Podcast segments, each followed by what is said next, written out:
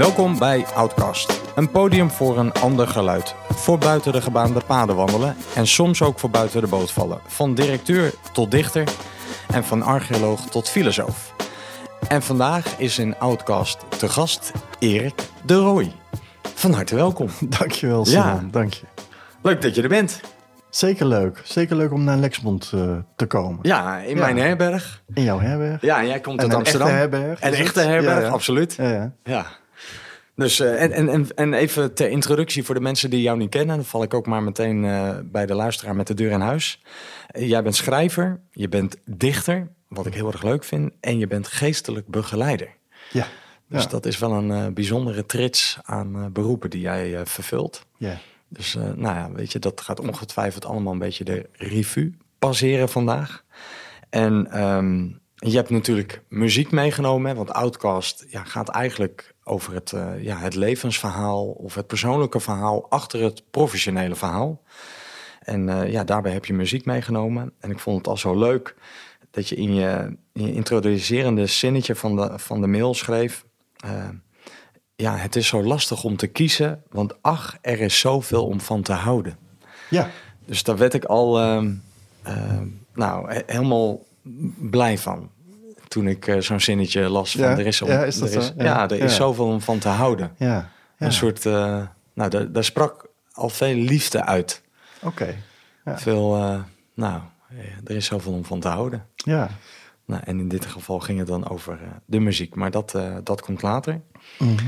En ehm, nou, ook even de aanleiding hoe jij en ik met elkaar in contact zijn gekomen. Jij luisterde, nou het zal inmiddels al wel weer een tijd geleden zijn eh, geweest, dat je luisterde naar de podcast met eh Co Woutsma, die ik met hem heb opgenomen bij hem thuis in Weesp. Co is ook eh, ja, dichter, schrijver en gewoon een, nou, een echte outcast in mijn, in mijn optiek. En in die outcast hadden we het onder andere ook over strips. En dat Prins Valiant is voor mij een hele ja, dierbare strip uit mijn leven. En eh, ik had ooit een, een ruilrelatie met, eh, met Co. Dat ik elke week, als mijn moeder bij hen had schoongemaakt... een strip van Prins Valiant mee naar huis kreeg. Omdat hij had de hele collectie thuis in zijn kast staan. En toen het hij, ja, in de bibliotheken zag je er af en toe wel eens eentje liggen. Maar ja, Niet veel, hè? nee, er Was, ik wist, Nee. wist niet waar je die kon vinden. Nee.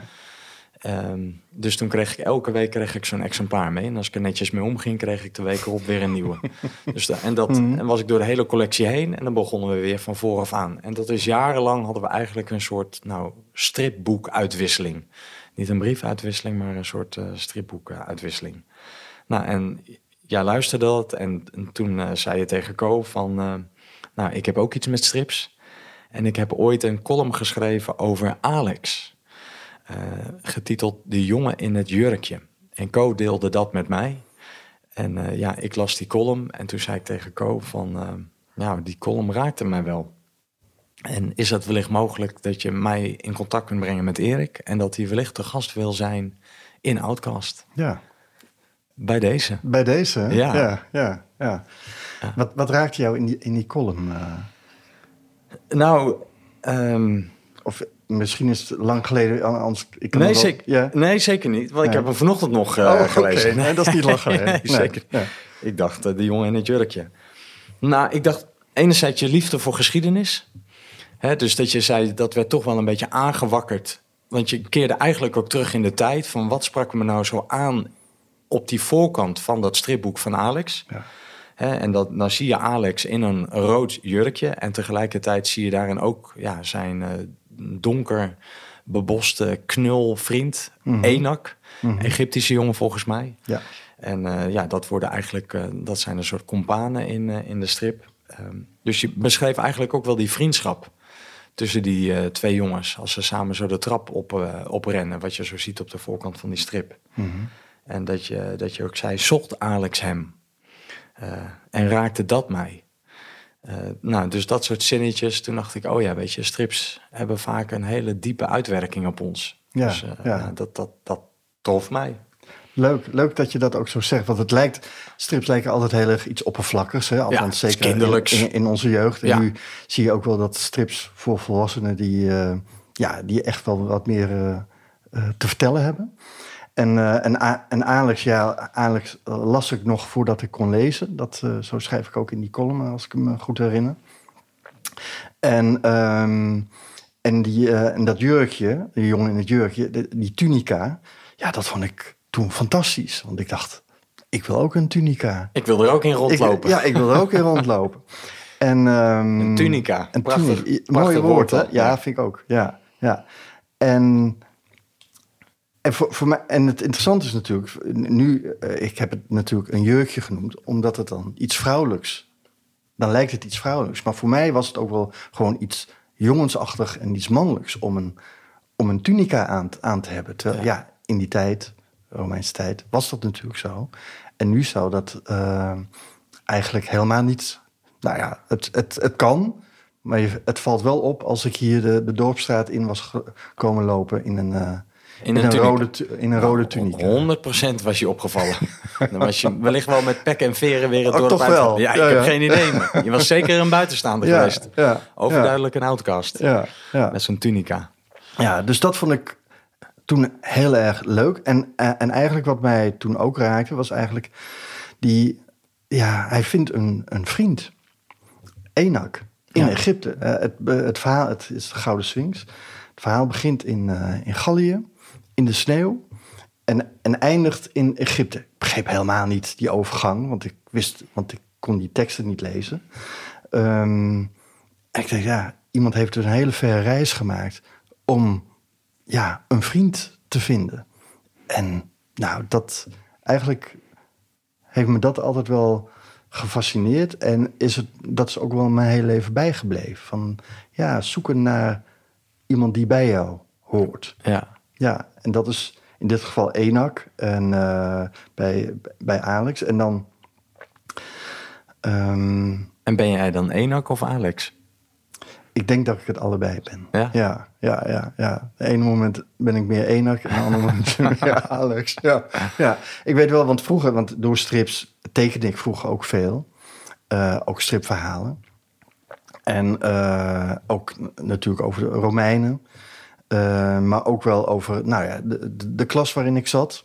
Met, eh, eh, met de, de meester die we, die we hadden. En, en dat tekende ik mezelf altijd met een, een grote bos krullen. En dat is natuurlijk Alex. Ja. Ja, ja, ja, ja. ja die heb ik niet meer. Een, Dat- ro- een rolmodel, hè, noemen ze dat. ja, ja, ja. Waar ja, je toch aan spiegelt. ja, ja, Hey, en je zegt net, een, een verre reis maken om een vriend te vinden. ja. Geldt dat ook op jou, voor je eigen leven? Heb je ook zo'n verre reis gemaakt en een vriend gevonden? Ja, ik heb wel een, vriend gevonden, maar daar hoefde ik niet heel ver voor te reizen. Nou, wellicht wel eh, ver reizen in jezelf. Absoluut, Ja. dat, dat zeker. Ja, ja, Ja. het is dat jij het zegt. Ja. dat, dat klopt, dat klopt. Ja, ja, ja, ja. Dus ik eh, woon nu, eh, of ik ben nu al zo'n ruim 22 jaar samen met, eh, met Ronnie. Ronnie. Ronnie Boogaard. Eh, uit Zeeland. Hij komt uit Zeeland, ik kom uit Hilversum. En we hebben allebei eh, op uilensteden eh, gezeten, om het maar even zo uit te drukken. Dat is een studentenflat. En toen, kon, toen kenden we elkaar nog niet. Ehm, maar we, we hadden elkaar kunnen zien, omdat we in tegenovergestelde flats hebben, hebben Gewoond, gezeten. Ja, ja. hebben gewoond. Ja. Ja, ja, ja. Ja. Nee, dus in die zin, ja, soms is het heel dichtbij en soms toch ver af. Zeker. Ja, ja. Nou, En, en, nou, maar dat is misschien een detail. Hè? Dus de voorkant is Alex echt in die rode tunica met, met, die witte, eh, eh, met dat witte zoompje. En die hele tunica komt niet in het verhaal voor. Want die tunica heeft Alex pas later gekregen. Dat is zijn, zijn, nou ja, zijn, handelsmerk. ja, zijn kledingstuk eh, Ja. eh, eh, geworden. En, dat, dat, ja, en als kind begreep ik er helemaal niks van. Van hoe komt het nou dat hij op, het- op het omslag dat aan heeft? In het verhaal heeft hij, Komt het helemaal niet terug. komt het helemaal niet terug. Ik begreep er helemaal niks van. Nee, Dus nee. dat is er pas later bijgetekend. ja, dat bij is nee, dus bij een herdruk is, deze, is dit omslag eh, gemaakt. Ja. Ja, ja, Ja, nou ja, zo heeft het een blijvende indruk eh, achter, Ja, achtergelaten. ja. Ja. Hey, en ehm, nou, de alle leuke opening zo. Oké. Ja. Ja. met uh, langs de lijn van de strip. En uh, dat Ronnie al meteen even in beeld komt. En de, nou, de dichtbij, ver afreis, die je dan Mhm. toch al een beetje ongemerkt hebt afgelegd. En, en laten we even met het eerste nummer van de dag eh, eh, starten. Wat je zo hebt meegenomen. Is dat oké? Ja, zeker. Ja? ja, Want je ja. hebt drie nummers meegenomen. Eigenlijk stonden er vier in. Dus misschien dat er ook nog wel ruimte is voor die vierde. Oh, oké. Ja, maar, eh, ja, dus prima. ik, ik heb ze allemaal klaarstaan. Ja. En, en kun je wellicht even nou, een zinnetje wijden aan naar welk nummer we gaan luisteren en waarom? En waarom? Eh, het eerste nummer wat we gaan eh, beluisteren is eh, van Alpha Feel, toch? Ja, Ja, zeker. Ja, ja. Alpha Feel, jaren 80, Duitse band. Heeft een paar hitjes gehad in, in Nederland. En eigenlijk was dit de kleinste. Maar het is wel de bekendste geworden. Het is Forever Young. En Forever Young ehm, raakte me toen al heel erg. En eh, heeft ook een bepaalde betekenis voor mij gekregen. Heb ik ook gebruikt in mijn roman eh, Augustus. Als een soort, soort leidraad door het, door het verhaal. Ehm, het was ook het lijflied van een goede vriend van mij. En die zei ook aan de hand van Forever Young: Ik word niet oud. Ik blijf voor altijd jong. En dat is ook gebeurd. Ehm, dus ook wel een beetje een soort saluut ook voor hem om naar Alphaville te luisteren. Forever Young van Alphaville.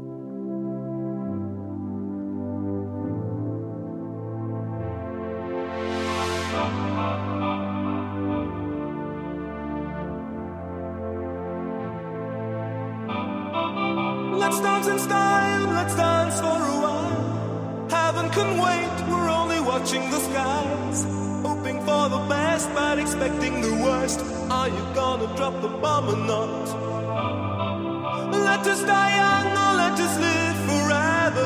We don't have the power, but we never say never.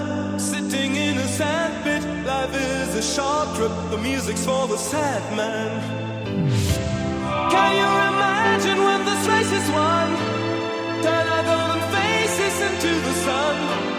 Praising our leaders, we're getting in tune. Music's played by the, the madman.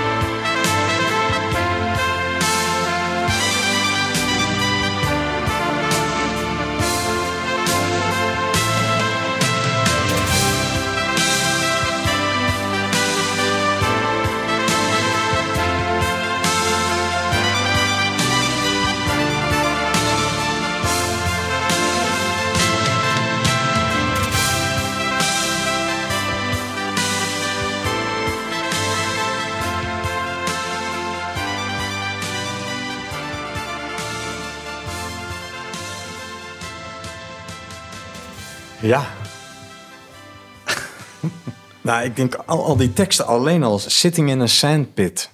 Life is a short trip. Of ehm, Some are like water, some are like the heat. Some are a melody and some, are the beat. Sooner or later, they all will be gone. Why don't they stay young? Ja, ja. Ik denk, eh, ja. Ja, prachtig zeg. Ja, ja, zeker. Ja, ja, ja. En ieder met zijn eigen rol in het leven. Hè? Ja. Ja. En, en die vriend was dus een, eh, een melodie en een beat Ja. eh, voor een bepaalde tijd in jouw, eh, jouw leven. En toen is hij door een, volgens mij door een moord, is hij uit het leven getrokken. Ja, in, in mijn boek Augustus heb ik het over de jaren 80. Eh, 1988. Nou, is eh, eh, een, een kanteljaar op verschillende jou? momenten voor mij. Maar toen was je uit 23, want Toen je bent uit ik- 65. Ik, ja, ik Toch? ben uit 65. Ja, ja. Ja. 23 was ik. Eh 22. Eh, ik ben in, in, oct- of ik, in oktober word ik drie, werd ik, zou ik 23 eh, worden. Ehm, het is het moment dat je gaat studeren, dat je aan het studeren bent, dat je de wereld ontdekt. Ehm, het is een wereld ehm, waar eh, heel veel gebeurt. Eh, als je naar Amsterdam gaat, als je daar uitgaat, dan eh, eh, zeker als je naar de homo scene gaat, daar speelt eh, AIDS een, eh, een, belangrijke rol. Hè? Dus de, de AIDS-epidemie van de jaren tachtig, ja, die heb ik wel heel eh, bewust eh, meegemaakt. Heeft ook wel, in zekere zin eh, is dat ook wel vormend eh, geweest. En dat heb ik wel gebruikt in, eh, in het boek eh, Augustus. Want hoe is dat vormend geweest? Vormend in de zin van wat, wat, eh, wat kan wel en wat kan niet. In omgangen met Eh, elkaar? In, in omgang met elkaar. Hè? Ja. Dus de, de, eh, de, de vrije manier van, eh, nou, eh, van, eh, van, van seks hebben. Ja. Ehm, nou, dat, wat, stel nou dat, dat ik tien jaar ouder was en ik had de jaren zeventig meegemaakt, dan was dat, eh, was dat toch heel, heel anders voor mij Ja. geweest, schat ik zo in. Ja. En, en nu was dat echt een rem. ja. Ik denk, ja, Safety first. ik wil, ik wil van alles. Ja. Maar ik wil A, niet eh, die ziekte oplopen en ik wil niet dood. Nee. Dus dat, eh, dus de, en dat doet iets met, met intimiteit. Ja. Eh, met het aangaan van, eh, van, van intimiteit op dat, eh, op dat moment. En zeg die worsteling heb ik een beetje ook in, in augustus proberen uit te werken. Er zijn romans over AIDS, over die AIDS-epidemie. Dan gaat het vooral ook over mensen die, ja, die, het, die het hebben opgelopen en die, die, die, die doodgaan. En ik dacht, ja, ik ben net van een iets latere generatie waarvoor, waarvan nou, je, het al bekend was dat je het kon oplopen en dat je de dood aan zou gaan. En juist op het moment dat je jezelf gaat ontdekken en ontwikkelen. En eigenlijk is dit een soort, soort rem op die ontwikkeling eh, en dat ontdekken eh, geweest, althans voor mij. En ik dacht, dat vind ik wel interessant om zoiets eh, in een roman ook vast, Ja. vast te leggen. De worsteling met intimiteit. De worsteling met, met intimiteit. Ja. Ja, ja, ja. En, en wat heeft dit te maken dan ook met die moord? Die, want die heb je echt meegemaakt. Hè? Dus dit is een, een dierbare vriend van jou geweest. Ja. Die is om het leven gekomen. ja, ja. Was dat ook iemand eh, die homoseksueel was? Of, Nee. of Nee. gewoon... Nee, eigenlijk eh, in deze roman koppel ik dus verschillende dingen. Dus de, Ja. eh, die, die hoofdpersoon gaat op pad naar Amsterdam om, eh, om het leven te ontdekken. eh, samen met een vriend. Ehm, en de derde vriend van hem, die blijft gewoon thuis. Eh, en die gaat trouwen. En die gaat een gezin stichten. En die zegt van ja, ehm, allemaal leu- leuk en aardig, maar ja, ik heb mijn heil gevonden in de, in de kerk. En ik wil daar ook blijven. En dus daar zit ook een frictie tussen die ene jongen die zegt van ja, ik wil mezelf ontdekken. Speelt homoseksualiteit een rol in. Je hebt een goede vriend waarin homoseksualiteit een, een taboe is en hij gaat ook een andere weg in. En dus die vinden elkaar eigenlijk niet meer zo makkelijk. En dan vindt ook nog die, eh, die, die moord plaats, waardoor eigenlijk die verbinding helemaal eh, weggaat. maar wel de reflectie van, ja, wat heeft nou deze vriendschap voor mij betekend op het moment dat ik denk van, nou ja, misschien val ik wel op, eh, op jongens. En je kunt dat dan niet delen met, eh, met een goede vriend van je. Nee, omdat dat een verboden gebied is. Ja, ja, In ieder geval eh, onbespreekbaar. ja, ja, Ja. ja. Het, het doet me even denken aan. Ik, ik, ik, ik, eh, ik las laatst het boek In de kantlijn van de tijd. ja. Van Claudia de Brij en Paul van Vliet. Een vriendschap in brieven. Hm. En eh, Paul van Vliet is natuurlijk overleden. Dus dit boek is pas verschenen eigenlijk na zijn overlijden. Dus hij heeft ook lang getwijfeld om, of, om het wel of niet uit te brengen. Maar ze dacht, ja, zo zou Paul het wel gewild hebben. En wat, wat mooi om dit ook na, na zijn dood nog zo aandacht te geven. En op een gegeven moment citeert zij ook een, eh, uit een nummer van hem. Er is nog zoveel niet gezegd. Ehm, zoveel nog niet uitgesproken. Zoveel waarheid nog ontdoken. En het heeft zo voor de hand gelegen bij jullie en bij mij. Er is nog zoveel niet gezegd, er is nog zoveel doodgezwegen, weggestopt en opgekropt, stilgezust en zoet gekust. Afgeschoven en weggewoven door jullie en door mij. Nou, moest ik even van denken. Mooi, ja, mooi, ja. Dus ik weet niet. eh, Want dat raakt jou ook dus. Nou, eh, het raakt me omdat ik dat ook hoor in, in hoe jij dat hebt beschreven dan in je boek. Ja. Mhm. Over zo'n eh, vriendschap tussen zo'n, ehm, eh, nou, ja, zo'n jongen die ontdekt dat hij inderdaad valt op jongens. En zo'n vriend die een hele andere kant op af, eh, nou, een afslag neemt in het leven. En je dat dan niet met diegene kunt delen. Of in ieder geval het gevoel krijgt. En ja, dat is dan een beetje stilgezwegen, doodgezwegen. Ja. En vervolgens dat doodzwijgen krijgt ook letterlijk betekenis als zo iemand ook vermoord wordt en letterlijk doodgaat. Ja. Dus dan is er zoveel niet gezegd. Ja. Ja. Ja, dat, dat blijft dan toch meereizen, mee eh, pruttelen in je systeem. Zeker. Dus ik denk dat Ja. zullen we allemaal wel herkennen in het leven. Ook ik. Van, eh, ja, tuurlijk. ja. Van, hey, Ja, dat de dingen ongezegd zijn gebleven. Absoluut. En, eh, en er blijft altijd, nee, en er En- blijft altijd iets ongezegd. Maar er zijn soms wel fundamentele onderwerpen of situaties waarvan je denkt: hé, hey, dat had, was wel de moeite waard geweest als dat eh, gezegd had kunnen worden. Ja, ja. Ja, er blijven altijd rafelrandjes in relaties. Ja. Hè? Dat, eh, Waarin de, de plooien niet zijn eh, glad gestreken. Waarin niet alles is gezegd. En, eh, ja. Wat was zo'n rafelrandje in jouw leven waarvan je dacht, ja, dat. Ik, ik, ook eind juli ben je op gesprek geweest bij Frits Spits Ja. in Taalstraat. Ik heb het niet geluisterd, maar ik las er wel wat berichten over. Ja. En vooral een van de zinnetjes die daar het meeste eh, resoneerde bij luisteraars, wat, was ook de belangrijkste coming out, is de coming out van jezelf. ja.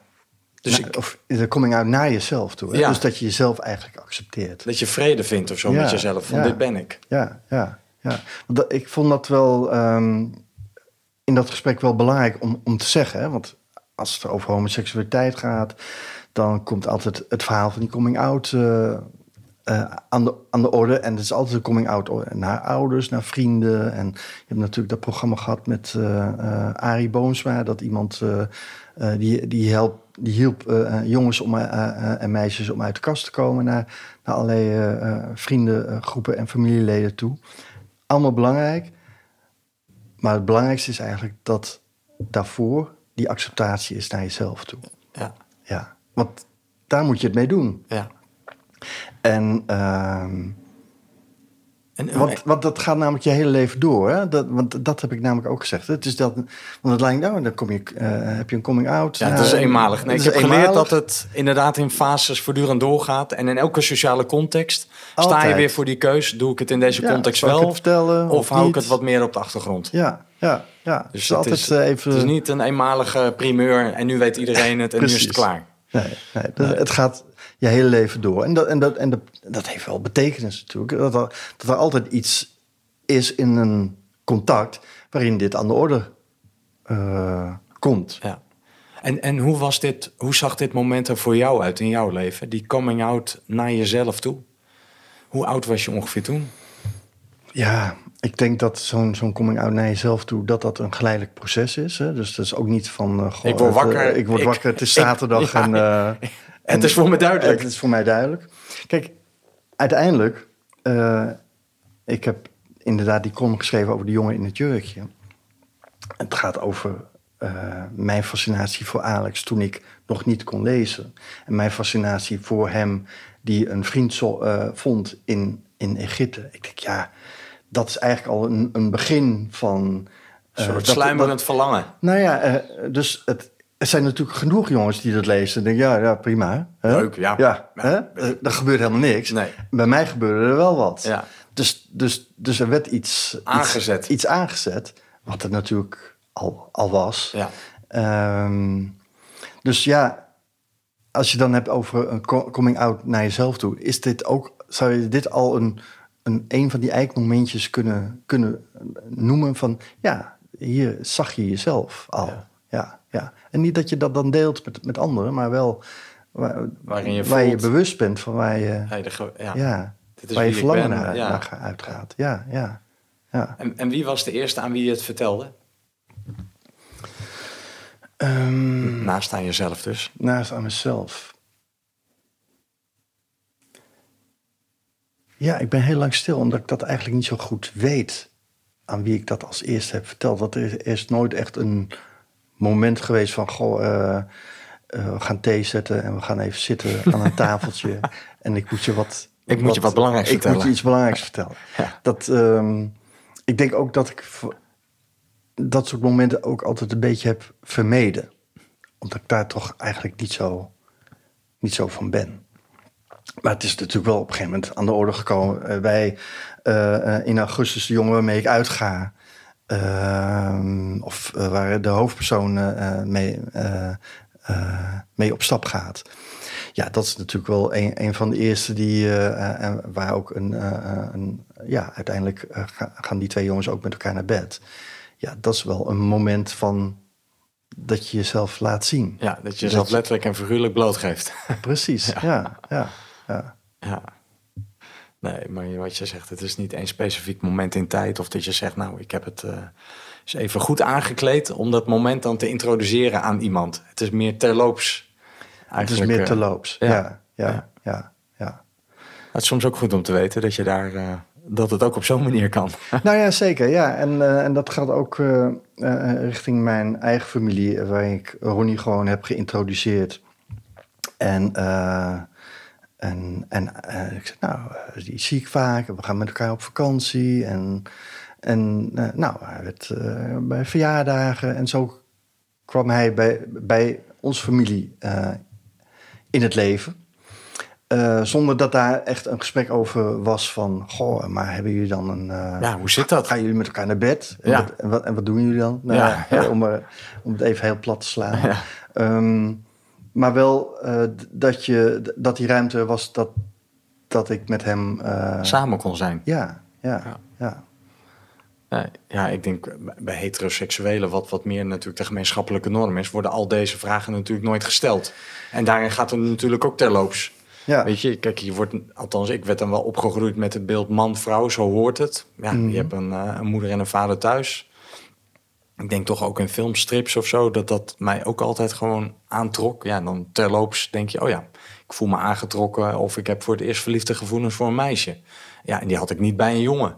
Mhm. Weet je, dan had ik gewoon meer leuk, we gaan samen op avontuur en eh, we gaan kattenkwaad uithalen of we gaan samen voetballen. ja, Maar ik had verder, of eh, ook op een gegeven moment wel samen naar muziek luisteren en samen films kijken. Wat natuurlijk ook best wel intieme handelingen zijn. Absoluut, ja. En, eh, en, en diepe zielsgesprekken voeren. Maar het, Mhm. het werd nooit dat ik dacht, nou, ik voel me fysiek aangetrokken tot nee, je. de broek bleef aan. De broek bleef zeker aan. Hé, je knuffelde wel eens, weet je, zoals Ja. mannen dat dan doen. Ja. Je gaf elkaar misschien wel eens een tik op de kont.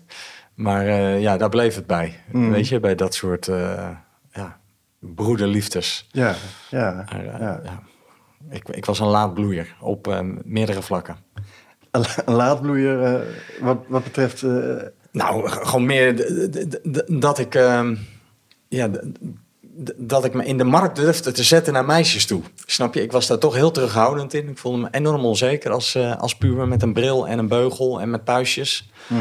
Ik voelde me niet de sterkste en eh, zeker niet de knapste. Dus ja, dan ben je. en- en de vrienden om me heen vond ik altijd knapper, gespierder.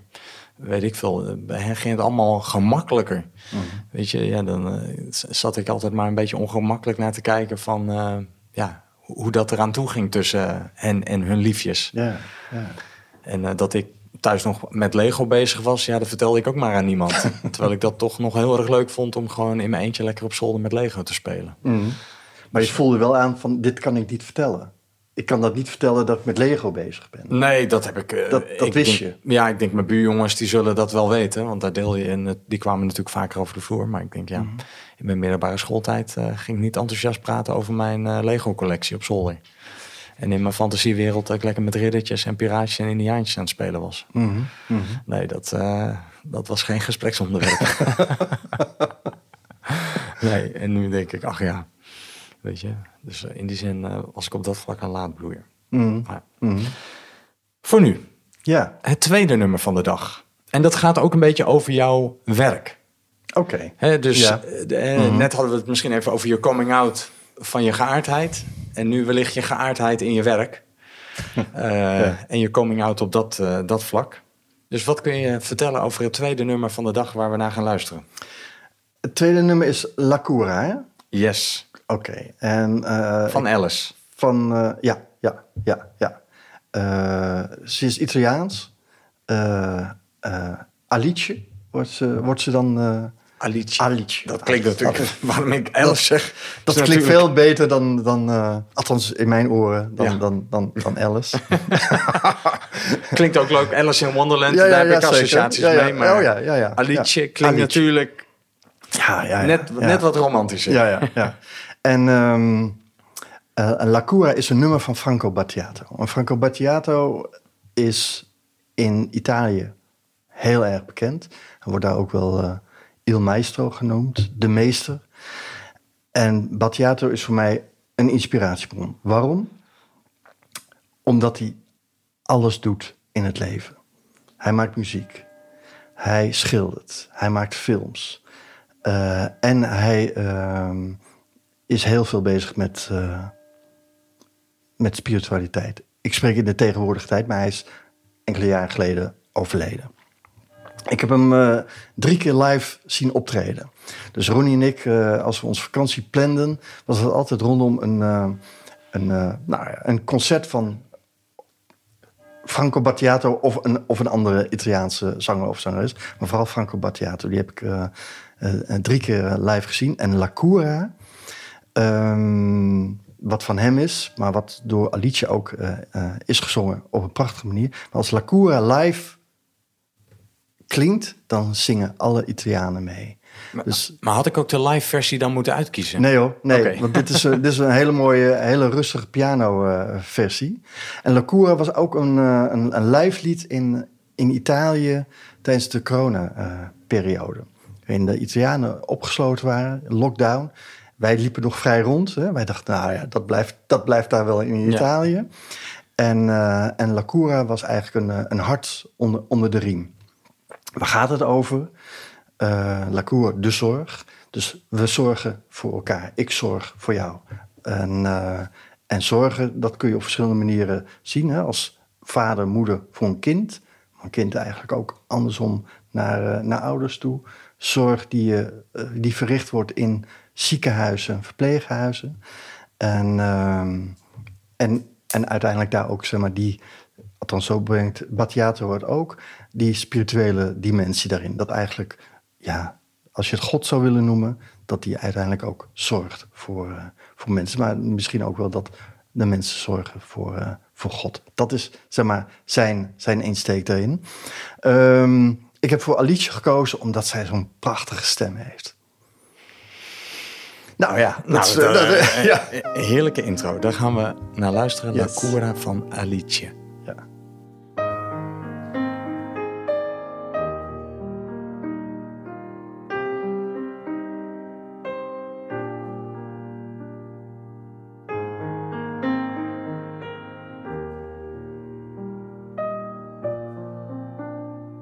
ti proteggerò dalle paure, delle ipocondrie, dai turbamenti che da oggi incontrerai per la tua via, dalle ingiustizie e dagli inganni del tuo tempo, dai fallimenti che per tua natura normalmente attirerai, ti solleverò dai dolori e dai tuoi sbalzi d'umore, dalle ossessioni delle tue manie. Supererò le correnti gravitazionali, lo spazio e la luce per non farti invecchiare. E guarirai da tutte le malattie,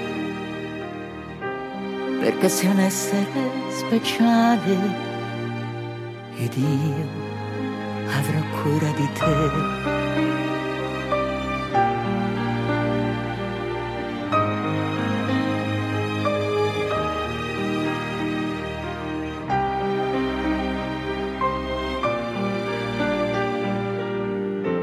Vagavo per i campi del Tennessee come vi era arrivata, chissà, non hai fiori bianchi per me, più veloci di aquile i miei sogni attraversano il mare.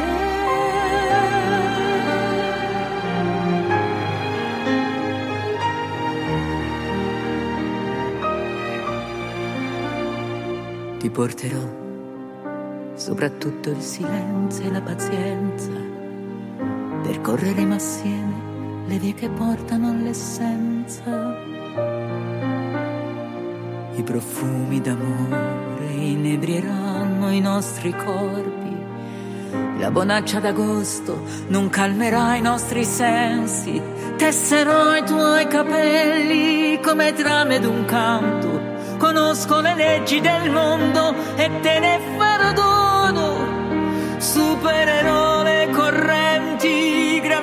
gravitazionali, lo spazio e la luce per non farti invecchiare. Ti salverò da ogni malinconia, perché sei un essere speciale ed io avrò cura di te. Io sì che avrò cura di te.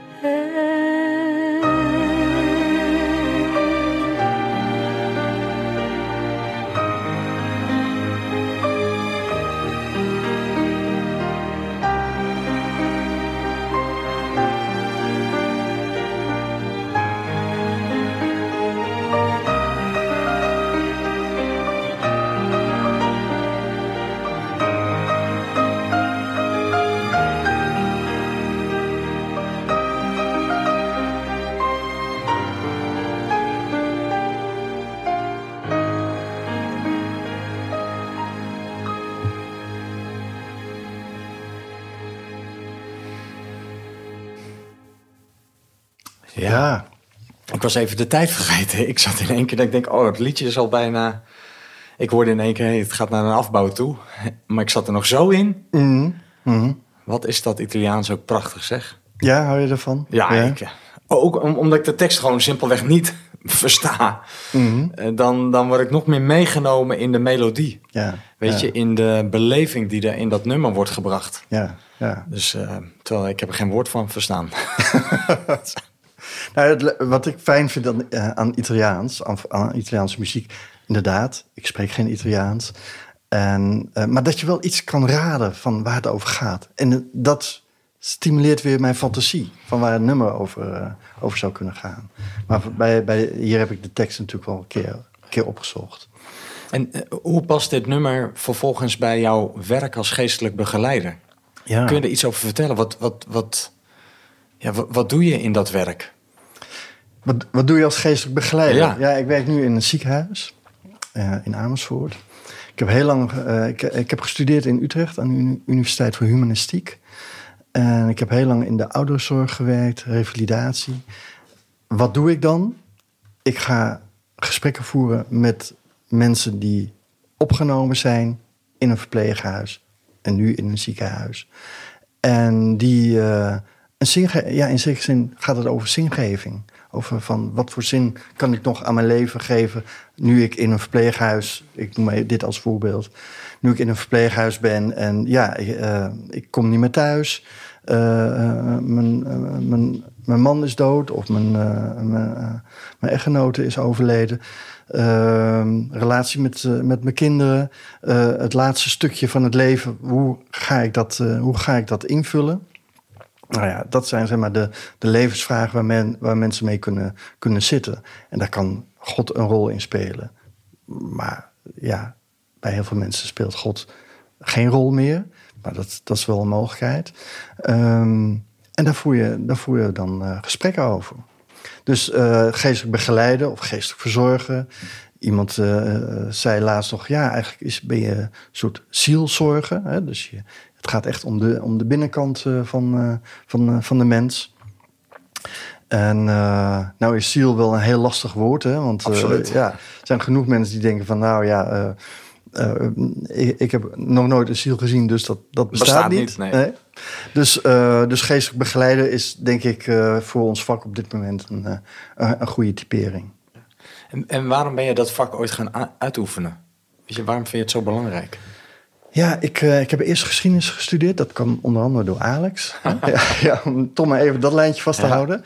Ehm, een paar jaar lesgegeven.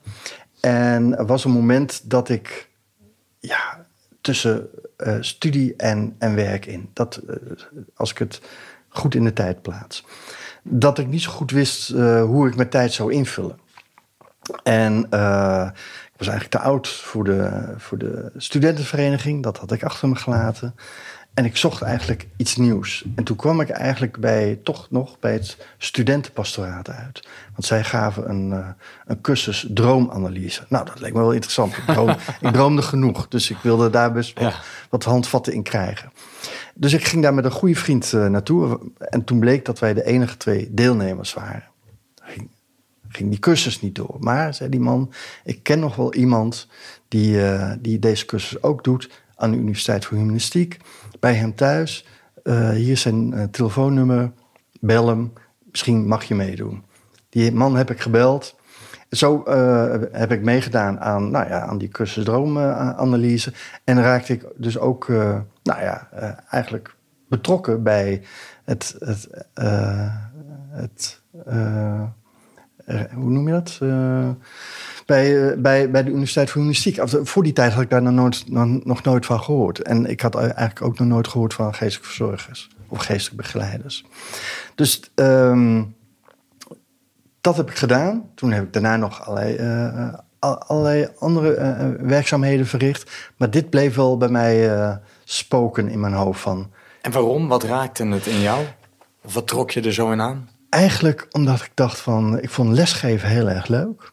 En waarom vond ik lesgeven leuk? Niet zozeer kennisoverdracht. Dat eigenlijk mer- merkte ik al heel snel aan mezelf van, nou ja, dat vind ik al een beetje boring. Hè? Dat eh, weer om eh, over de Russische revolutie te, te vertellen. Ehm, maar het contact met een klas en met een klas eh, in een bepaalde flow komen, daar, daar hield ik wel van. En uiteindelijk dus ook wel op individueel eh, niveau. Dus ik had op een gegeven moment een, een examenklas waarin ik ook individueel mensen begeleide richting het, het eindexamen. En ik denk, ja, dat, daar ligt ook wel mijn hart om iemand goed te leren kennen, zelf te laten zien en, eh, en, en te kijken of je ergens, nou ja, in, in dit geval om dat examen te halen, dat ligt voor de hand. En, ehm, en als geestelijk verzorger of geestelijk begeleider, kijken of je zo'n contact met elkaar kunt hebben dat je de ander echt iets, eh, iets kunt, eh, kunt geven. Ja. ja. Mooi. En eh, een van mijn opvattingen is dat in het werk van hulpverleners ze zelf vaak ook aan iets tekort zijn gekomen in hun jonge jaren. Dus you teach best what you need most. Ja, ja. Mhm. Geldt dat voor jou ook zo? Dat je zegt, ja, en daarom wil ik het juist brengen later op in mijn leven, omdat ik het zelf als kind of in mijn jonge jaren heb gemist. Oké. Iemand die mij geestelijk begeleidde. Oh ja, de wounded healer. Ja, Hè? de Wounded Healer, zeker. Ja, ja, ja, ja. Herken je dat of zeg je, nou, dat was voor mij helemaal niet van toepassing? Nou, kijk. Iets algemeens. Ik denk dat wij allemaal eh, eh, wonden eh, hebben opgelopen in, in, het leven. Dus, dus, dus dat, dat, dat hoort bij het leven. Als Ja. je niks hebt opgelopen in het leven, dan heb je waarschijnlijk ook niet, Niet geleefd. Dus, dus dat hoort erbij. Ehm, Ehm, ik denk, kijk, als, je, als ik het gewoon koppel aan mijn eigen homoseksualiteit. En niet alle geestverzorgers zijn homoseksueel. hè, Dus, dus, dus, eh, Dat is al bijzonder. Laat ik, laat ik dat eh, vooral ook heel duidelijk zeggen. Ehm, ga je een eigen weg in zekere zin. En een eigen weg binnen een, binnen een gezin, binnen een familie. Ehm, is natuurlijk altijd een periode waarin het geheim is. Dus dat je leeft met een, met een geheim. Ehm, en dat is ook dus een moment waarin je heel veel met jezelf bezig bent. Of heel veel in jezelf schouwt, in jezelf kijkt. Ehm, dat maakt je ook wel gevoeliger voor... Nou, althans, eh, ze heeft mij wel gevoeliger gemaakt...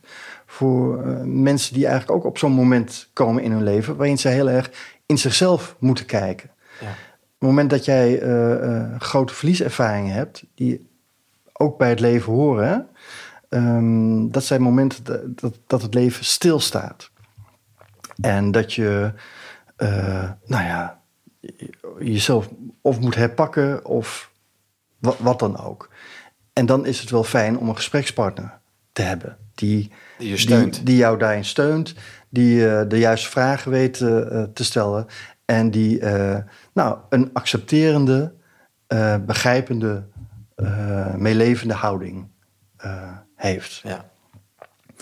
Ehm, kijk, als je het zegt van, eh, is dat dan iets wa- wat jij hebt gemist in, eh, in, je, eh, in je jeugd? Ik denk dat dat bijna inherent is aan, aan als je opgroeit in een, in een hetero omgeving. ja. En je bent zelf eh, niet Afwijkend. hetero. Nee, Ja, je bent afwijkend. Ja, precies. Ja, Dan ja. eh, ben je inderdaad in eerste instantie veel in gesprek met jezelf. Ja, ja, ja, ja. En het is ook een afwijking die je niet meteen ziet. Hè? Nee. Ehm, Nee, maar ik, ik kan me ook voorstellen dat die, ja, die moord van die goede vriend van jou, dat dat ook veel impact heeft gemaakt, weet je. En dan voel je je zo intens natuurlijk wat je nodig hebt op dat moment. Want dat is ook zo'n moment dat je jezelf moet herpakken als je geconfronteerd wordt met plotselinge dood en met eh, enorme rouw. ja. Ja, dan, dan waardeer je enorm als er mensen om jou heen staan en die jou eigenlijk eh, tot steun en toeverlaat zijn. Zeker, zeker. En, en ik denk ook wel dat, zeg maar, dat moment, ik was dus 22 toen dat gebeurde, ehm, dat het in die zin ook wel bepalend is voor mijn leven dat ik, eh, nou ja, ik, word nu bijna dagelijks geconfronteerd met de dood hè, op, eh, In je werk. in mijn werk. Zeker in het verpleeghuis, in het ziekenhuis eigenlijk ook. Ik spreek met mensen die eh, een slechte boodschap hebben gekregen. Van ja, het, het leven is eindig. Ja. Hm?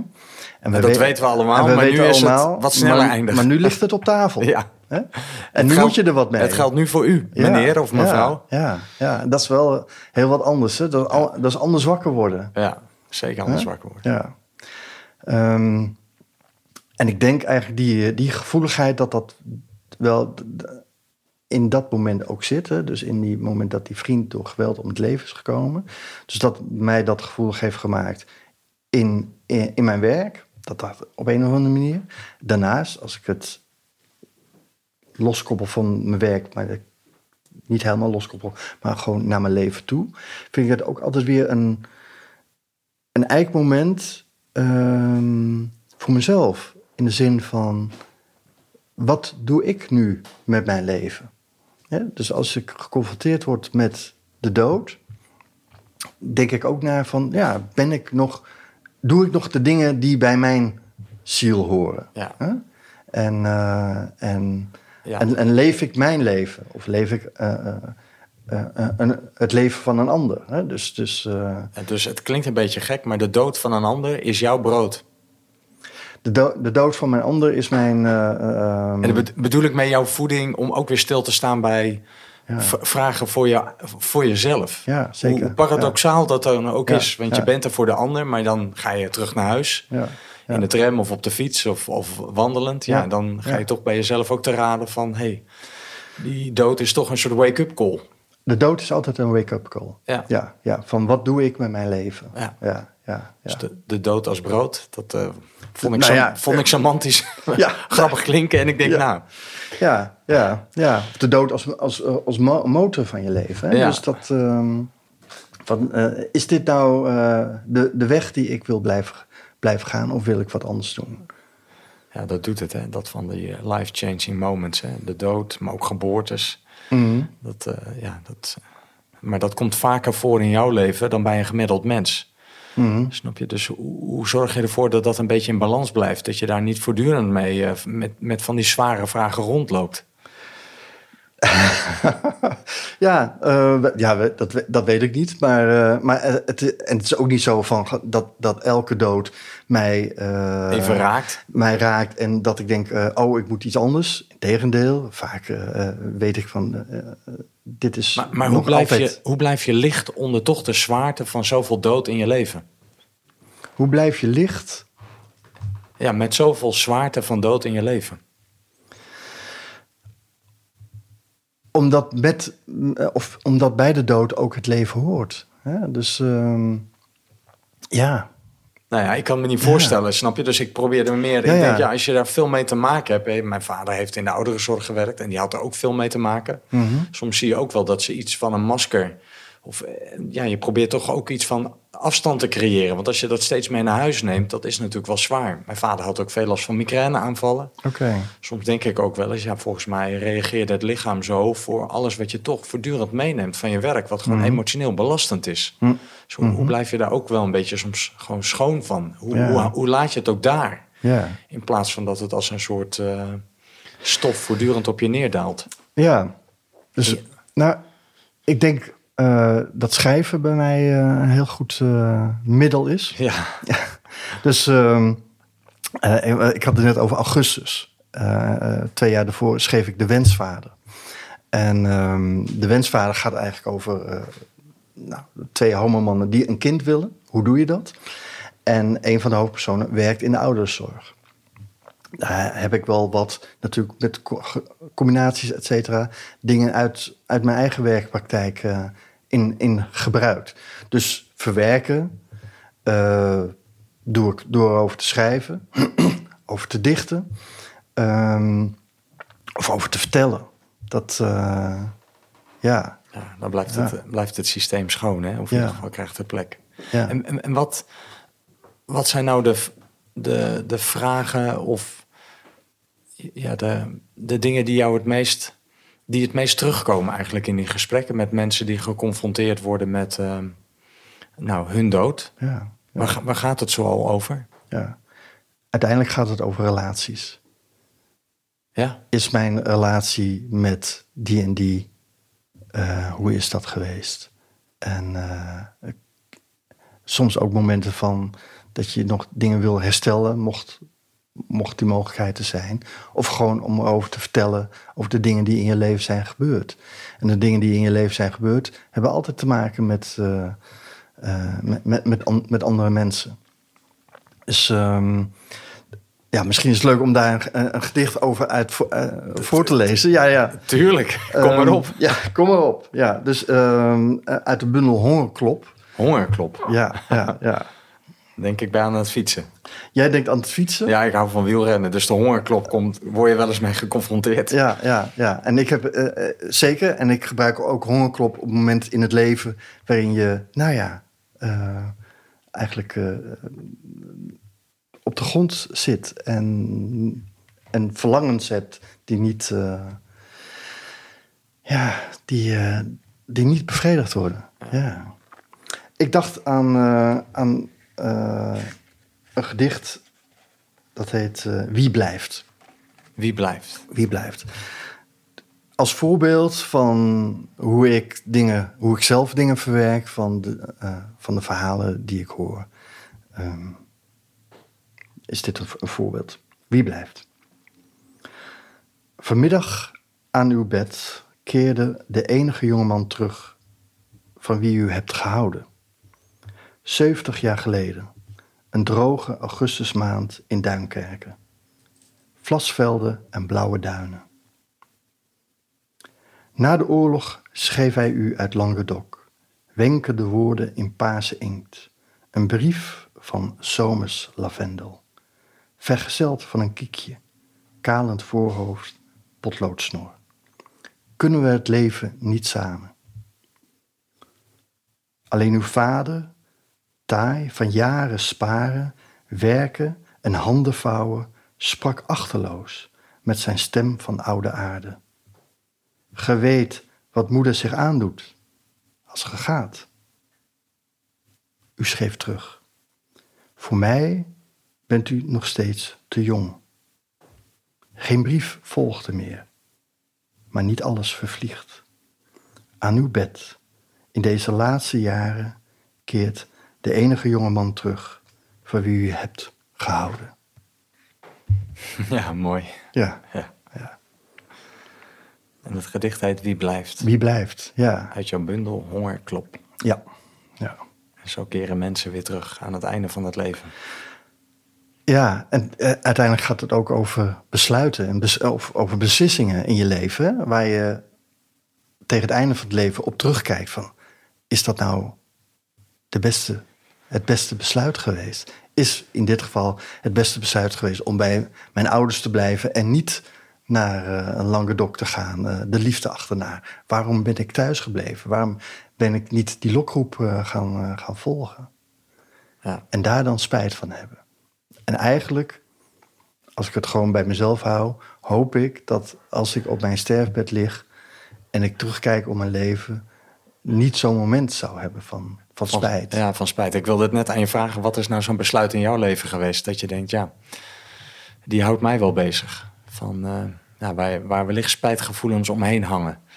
Of valt dat mee op dit moment? Dat je Op, op dit moment valt het gelukkig mee. Va- vaak eh, zijn het. eh, ik denk dat mensen vooral spijt hebben van dingen laten dan van dingen doen. Ja, ja. Maar er is nog niet iets wat jij hebt gelaten.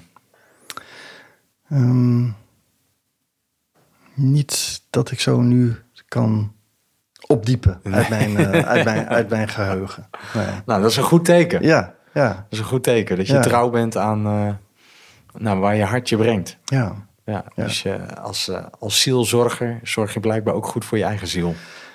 Nou, dat, dat is wel belangrijk om te, om te blijven doen. eh, om goed voor jezelf te zorgen. eh, eh, zeker op, eh, nou, lichamelijk, maar ook geestelijk. Ja. Ja. Nou, en wat ook past bij zorgen voor de ziel is muziek. Ehm, Absoluut, ja.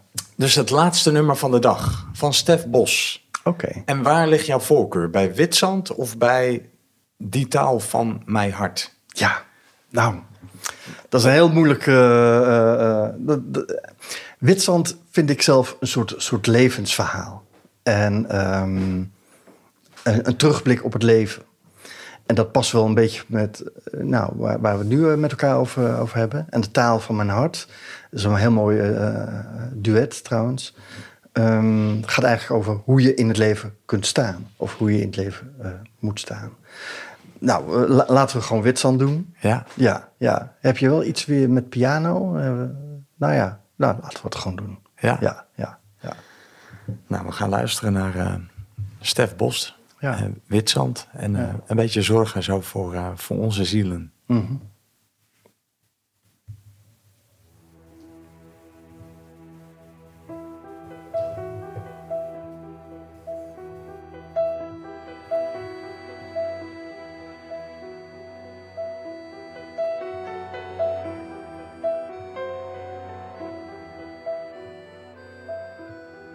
Waar de brede rivier zich verliest in de zee. Waar een wolk in de verte het zonlicht breekt. En de tijd ademt traag, want de tijd die slaapt. In de armen van de baai, waar die zuidoost waait. En ik volg mijn schaduw langs een eindeloos strand. Tot de zon ondergaat in het binnenland. In wit zand. In wit zand.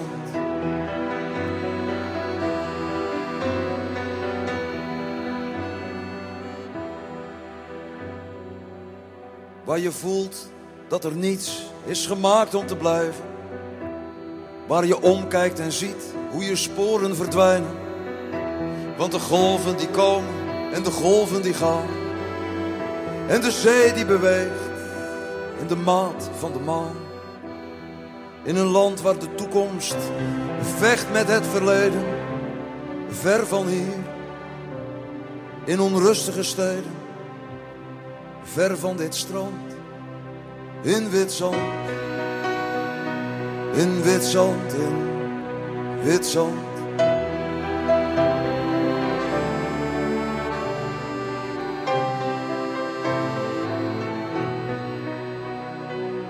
Loop door jaren langs een eindeloos strand. En ik probeer te verklaren hoe ik hier ben beland. Hoe sterk is het toeval? Hoe sterk is het lot? Ben ik wie ik zijn wou? Is het dit wat ik zocht?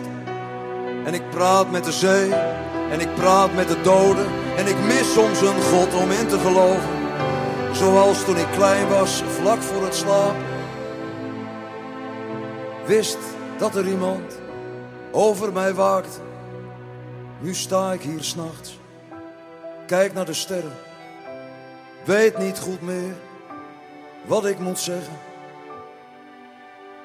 Ik voel me soms moe, voel me soms leeg.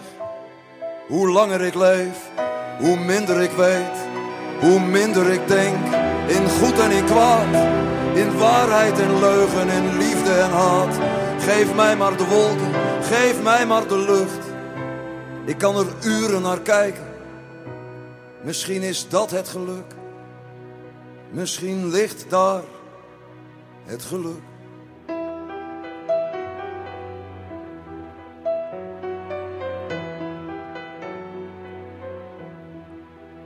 Waar de brede rivier zich verliest in de zee. Waar een wolk in de verte het zonlicht bereikt. En de tijd ademt traag, want de tijd die slaapt. In de armen van die baai, waar die Zuidhoos waait. Ja, waar die waait. ja. Ja. Mooi. Ja, Opgenomen in Zuid-Afrika, toch? ja, ja. Hij ja. een tijdje heeft gewoond, eh, gewoond en natuurlijk muziek heeft opgenomen. ja. Heb je wat met Stef Bos? Absoluut. Oh Absoluut. ja, is dat zo? Zeker weten. Ja. Ja, prachtig. Prachtige poëtische zanger. Die ook, eh, we hebben eerder hadden we het over de rafelranden van het leven. Daar kan hij wel eh, ja, ja, prachtig over zingen. En ik, ik hou gewoon van beeldtaal. En in zijn Mhm. tekst zit heel veel beeld. Mhm. Dus ehm, ja, het is wel de taal van mijn hart. Ja, ja, heel Om mooi. maar een ja, nummer ja. van, eh, Mhm. van hem eh, te gebruiken. Ja. En uiteindelijk, ja, wat ik mooi vind aan dit nummer is het moment van stilstand. Hè? Hij staat stil daar en hij overdenkt zijn leven. En hij kijkt naar de wolken. En eigenlijk komt hij eigenlijk tot een hele eenvoudige conclusie van is dat het geluk om hier te zijn? Hier, hier in Witzand, hè? dus in het hier en nu. En dat is, ehm, dat, dat heb ik net nog ineens verteld. Hè? Dus eigenlijk, want je had het over de zwaarte van, eh, van het werk. En, ehm, en dat is natuurlijk een vraag die ik vaak krijg: van oh, dat zou wel heel zwaar zijn. Ja, En, pittig eh, voor je. pittig voor je. En, eh, en- of, of oh, het was ook wel heel dankbaar. Heel dankbaar werk wat je aan het doen bent. Hè. En dat, daar krijg ik altijd een beetje jeuk van. van eh, ik, ik ga helemaal niet naar mijn werk toe van eh, dat iedereen, oh, daar is eh, Erik. Dank, dank je dat, je dat je hier bent. Dus dat, dus daar, dat vind ik. ver- Nu ik dit toch zo zeg, hoop ik dat mensen nu zeggen, dat nooit meer gaan zeggen van dat het dankbaar werk is. Ehm, eigenlijk ehm, gaat het in, in het werk om concentratie. En om en, en concentratie in het hier en nu. Dus als ik, zoals nu, zijn wij met elkaar in gesprek, valt de rest weg. Ja. Het gaat om het gesprek. Het gaat om wat er hier gebeurt. En dat, dat heb ik ook als ik aan een, aan een bed zit of bij een rolstoel zit. Het gaat om dat gesprek op dat moment. En daar word ik gelukkig van. En ik word dus gelukkig door heel erg hier in het hier en nu te kunnen zijn. En het gesprek helpt mij om in dat hier en nu te zijn en geconcentreerd dat gesprek eh, eh, te hebben. Dus het is eh, zwaar, hè? het zijn zware onderwerpen, maar het is niet dat ik daar helemaal onder bedolven raak. Nee, nee, nee, het geeft je zelfs geluk. Ja, ja, Door ja. zo geconcentreerd dan in gesprek met de ander te zijn. Ja. En dicht bij de ander te zijn. En met Ja. zijn levensvragen of dat iemand zichzelf moet herpakken. Mhm. Ehm, en dankbaar voelt dan... Ik weet dat mijn vader dat heeft met het woord trots. Oh ja, je zult wel trots zijn op je zoon. Dan denkt hij ook altijd, wat is dat voor verhevens woord? Dus Oh hij ja. heeft niks met trots. oh ja, je, grappig. dus ja. dat, ja, soms roept een woord iets op. Terwijl ik denk, nou, ja, Ja, maar ik boeien. Ja, boeien. Dan maak je druk om. Ja. mhm. Maar er kan soms lading op een woord zitten. Mhm. Dus jij voelt je dan gelukkig als je zo geconcentreerd in dat, eh, in dat moment eh, zit. En ik, ik, ik, ben nog benieuwd, hè, in het zinnetje eh, in, in dat nummer van Witsand zegt hij ook... en ik mis soms een God om in te geloven. Ge- Geloof jij in God? Nou, niet echt. Nee, nee. Ik heb. ehm, kijk, ik kom uit een gezin waarin. Ik ben ongedoopt. Om maar even bij het begin te, te beginnen. Ik ben niet gedoopt. Maar mijn ouders ehm, vonden het wel belangrijk om mij naar een christelijke lagere school eh, te sturen. En ehm, dus daar heb ik ook nog hele, hele heldere herinneringen aan. Aan zeg maar, die, die eerste klas. En dat iedereen eh, psalmen en gezangen zong om me heen. Jaren zeventig. En ik zat erbij. Ik denk, waar gaat dit over? Ja, Huh? wat doen we hier? Wat doen we hier? Ehm, en daarnaast werd elke eh, ochtend verteld uit de Bijbel. Jozef, Mozes. Ja, de grote aartsvaarders die Ja, voorbij kwamen. Ja, ja, en dat heeft mij wel heel erg gegrepen. De verhalen hebben mij heel erg gegrepen. Daardoor heb ik ook wel een, een, een tijd zeg maar, een beetje daarmee geworsteld van ja, ja, misschien ben ik ook wel gelovig en wil ik ook wel naar de kerk. En ehm, ja, wat jammer dat mijn ouders eh, eh, niet gelovig zijn. En ik ben dan ook niet gedoopt. Kom ik nou wel in de, eh, in, in de hemel terecht? En, en tegelijkertijd dacht ik, maar ja, ik ben toch een hele gelovige jongen. Dus waarom zou ik dan niet in de hemel terecht eh, mogen komen? Hè? Ja, ik eh, wandel in het licht. Precies, ja. ja. Ehm, dat, dit helpt mij in mijn werk. Hè. Dus, eh, dus ik, ik heb redelijk veel bijbelkennis opgedaan. Ehm, ik begrijp tussen aanstekens redelijk worstelingen rondom geloof. Ehm, en ja, uiteindelijk is, het, is de dood open, hè? Ik bedoel, geen idee. Hè? Ehm, maar zeg maar, het beeld van eh, de hemelpoort en Petrus die op je wacht. En, ehm, en God op een gouden troon, om het maar even heel plat te, Ja, wat de te geschetste zeggen. beelden zijn in de Bijbel. schets. eh, ja, nou ja, nog niet zo in de Bijbel, maar wat je, wat je als kind meekrijgt. Ja, Ehm, ja, dat heb ik echt wel achter me gelaten. En, en, eh, en dat is wel een vraag die, die, die soms speelt hè, op een sterfbed. Ja, eh, kom ik hem of haar weer tegen? En, en, en soms is daar verlangen naar. En soms is, eh, ja, dat is bijna, ja, dan moet ik zelf ook wel weer een beetje om lachen. Dat mensen, nou, ik hoop niet die en die. tegen te komen. Tegen te komen, ja. Dan loop ik een blokje om. Ja, ja nou, maar da- daar moet ik dan wel om lachen. Dat vind ik dan wel weer grappig. Ja, zeker. Ja, ja. Dus een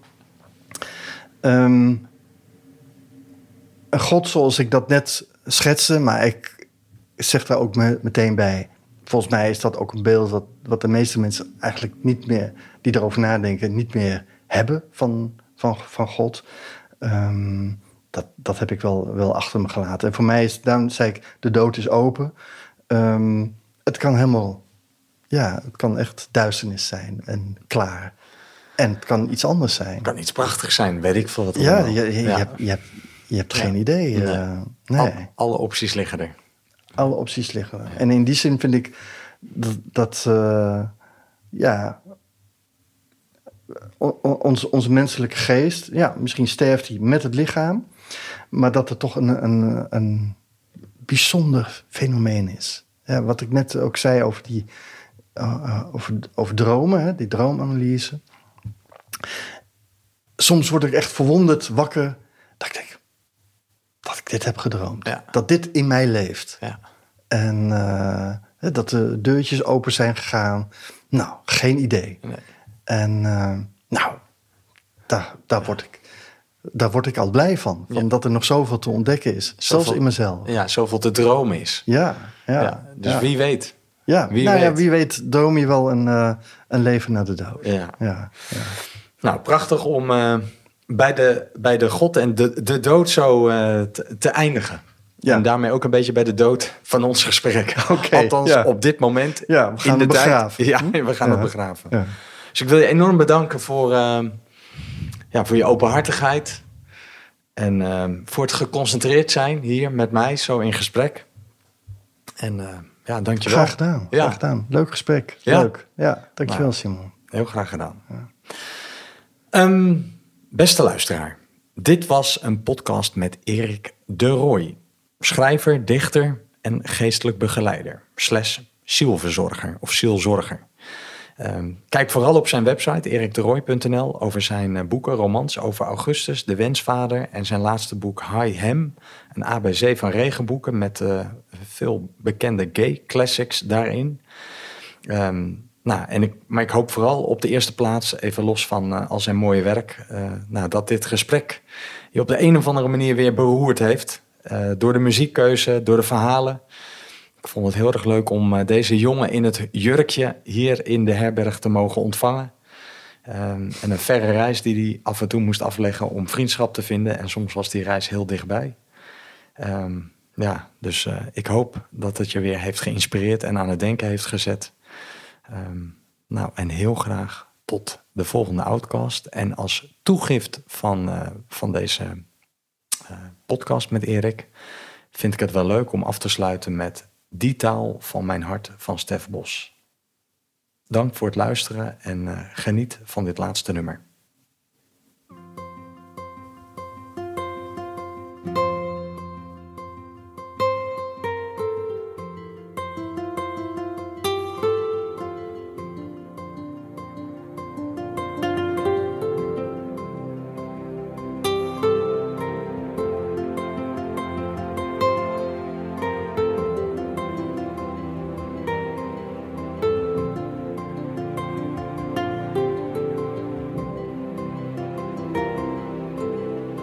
Zon staat aan de hemel. Dit is het einde van de nacht. Ik was verdwaald in het donker. Vond mijn weg terug op de tast. Vroeger was ik rijk aan woorden. Ik ben verstild, ik ben veranderd. Maar mijn stem, mijn stem blijft branden. Dit is het vuur, jij mag je warmen.